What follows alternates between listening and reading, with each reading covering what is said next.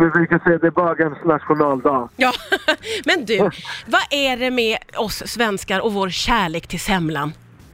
Ja, men det har jag också funderat på. Det finns ingenting som berör och upprör så många som semlan. Men det är också det är fantastiskt gott, just kombinationen av en mjuk bulle med kardemumma, mandel och sen den här perfekt vispade grädden. Och ja, det är lite galenskap. Just också att det är sin egen dag, att alla ska äta semla då. Ja, för det är ju nu för tiden så börjar man ju äta semla nästan direkt efter jul. Det är inte lika eh, hårt som det var förr att det bara finns en dag. Samtidigt så är den här semmeldagen viktig för oss verkar det som. Ja, men på fel, många har ju fortfarande som tradition att man äter bara på fettisdagen. Mm. Men sen är det ju så här alltså, folk vill ju ha semla även rätt tidigt på året. Ja. Så vi brukar ju börja direkt efter nyår. Eh, och då är det att, jag menar folk är sugna på det. Och det är så himla kort period så jag kan tycka liksom, det gör väl inget. Nej, men du, det här med att det kommer en massa nya varianter då, vad tänker du om det?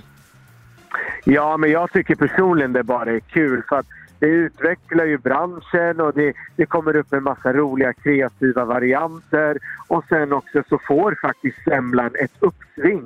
Alltså det skrivs ju aldrig så mycket om någon annat bakverk än semlan. Nej. Och det är jättebra för hela branschen. Just att man skriver om semlan så att man inte glömmer bort den.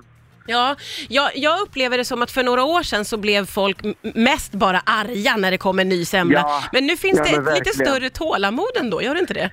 Jo, men visst är det så. Men sen finns det ju de här moralpoliserna som tycker liksom det var bättre förr och man ska hålla det så. Men jag gillar att gå framåt. Men sen är det ju så här, en ny variant, det kommer ju aldrig ersätta en eh, traditionell semla. Nej. Men det kan ju vara kul att prova. Ja men precis, det finns plats för lite alla möjliga kanske. Ja, men exakt. Det är bara grädde, mandel och sen en massa kardemumma och kärlek. Ja, jag har hört ett rykte om att du, du eh, har testat semmelgröt. Ja, men exakt. Vi gjorde en semmelgröt som faktiskt är jättepopulär. Roy, det Just att- låter inte bra, det låter inte bra. Jo, men den är inte sådär jättesöt utan men det är de rätta smakerna och perfekt om man nu skulle vilja ha dem till frukost. Ah, Okej, okej, du får in semlan till frukost till och med. Ja, exakt. Ja. Så man klarar hela dagen. Ja, så man riktigt står sig. Hur många semlor kommer du att käka idag?